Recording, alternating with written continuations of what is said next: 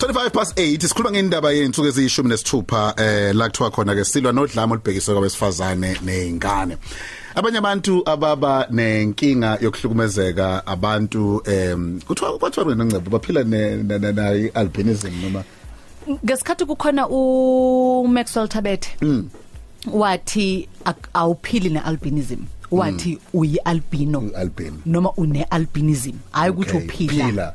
Uphila. nealbinism wayichaza kanjalo. Njengoba isho ke lengane lokho ekushoyo ke yikho lokho engikhuluma ngakho nami. Uyakhumbula ukuthi babekhuluma ngendaba ukuthi ave be- behlukunyezwa bayadelelwa babizwe ngawo wonke amagama bathathwe nje sengathi abanangqondo ngoba uzokhumbula ukuthi ab- abanye uzuthola ukuthi mhlawumbe ufake izibuko eziwugqinsi ngenxa akaboni kahle emehlweni njalo njalo. Bayahlukunyezwa ngendlela ezahlukahlukene. Abanye bayazingelwa ngoba Hey, kuthi kuthiwa kuthakwa khona ngabo. ukuthi, mm, inkolelo njengathi two.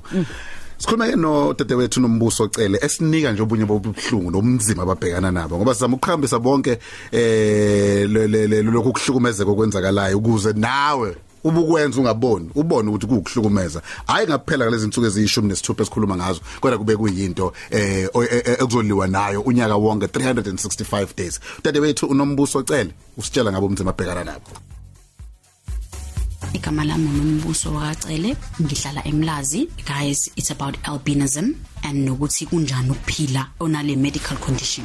From the time ngizalwa bengingekho lula. Akukho lula kahle kahle ukuphila nje nealbinism eSouth Africa ngisho kanjalo. Iyekela nje ukuthi nathi sinama medical limitations zethu esenza ukuthi singakwazi ukuphila a full life. Abantu nje futhi nakhona futhi bafuna ukwenza futhi impilo yakhe ibe difficult. So from the time ngizalwa ngama 90s yayingekho information guys ngealbinism.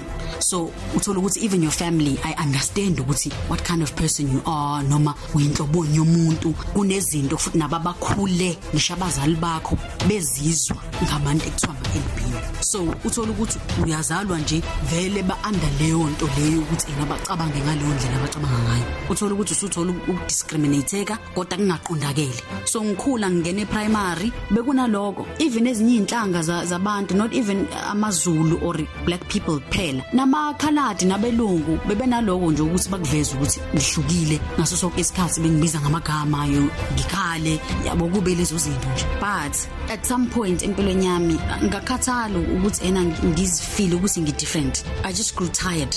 Ngayitshela ukuthi you know what nombuzo mfethu wena umuntu phela emhlabeni njengabanye abantu owalethwa la emhlabeni for i-purpose. So angiyiphilela impilo yami. So from then on ngaphila nje as a normal person. Hayi ukuthi futhi angiphindanga ngathola ukuhlukumezeka ebantwini. Yes even namanje ngiyakuthola ukuhlukumezeka. Kaya high school nginaleyo mentality yokuthi nje you know what ngiphila impilo yami nombuso ungabi nandaba nomunye umuntu eceleni ukuthi uthini. Because ngilento engiyona angikhethanga ukuthi ngizalwe kanjena. It's not something engayicelela yona. Ngisho abazali bami abazi bazange bazi bayicele. How can i change umuntu engizalwe nguyena? Angeke ngize ngikwazi. So ukuphila nje as an albino eSouth Africa guys akukhulula as i've said. Into engifuna ukuthi abantu bayi understand is that nathi sabantu. Njengoba ngithi sabantu siphila la emhlabeni kufana ngabe siphila ndawonye. Hayi ukuthi indaba lokho sicwasana because ubani uthe ukuba umuntu omnyama or ukuba yilo muntu oyena kunormal wena. Akekho umuntu one distinct understanding yokuthi ukuba normal a normal person into kanjani that's how i feel. Because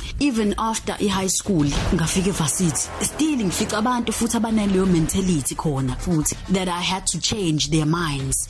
Babone indlela engiyiyona ukuthi no man lo muntu lona umuntu onormal because other people have confessed kumina ukuthi yazi bengikubuka afar ngithi mina yena kazi umuntu onjani nomuntu lona and angaze ngihlangane or interact nomuntu wealbino but bathola ukuthi you know what?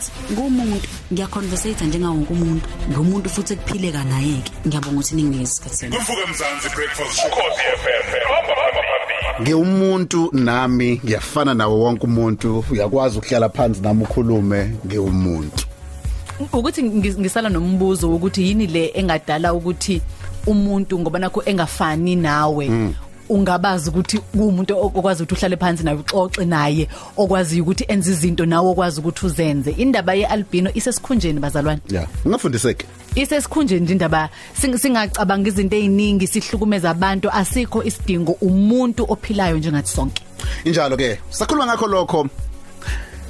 Eningizimu Afrika angithi Africa maningi amathuba ukuthi owesifazane abulawe and mayebulawa kuthi umuntu ombulalayo umuntu osuke esondele kakhulu naye ofana no partner wakhe 19000 wabantu besifazana uma beshona bashona ezandleni.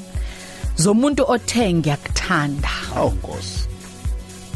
Umuntu ohlangane naye nje emhlabeni kaNkuluNkulu wakuchaza nawe wachazeka uyena naye wachazeka uwena. Jiki jiki ngenye imini. Muhambo uhamba ngesandla sakhe.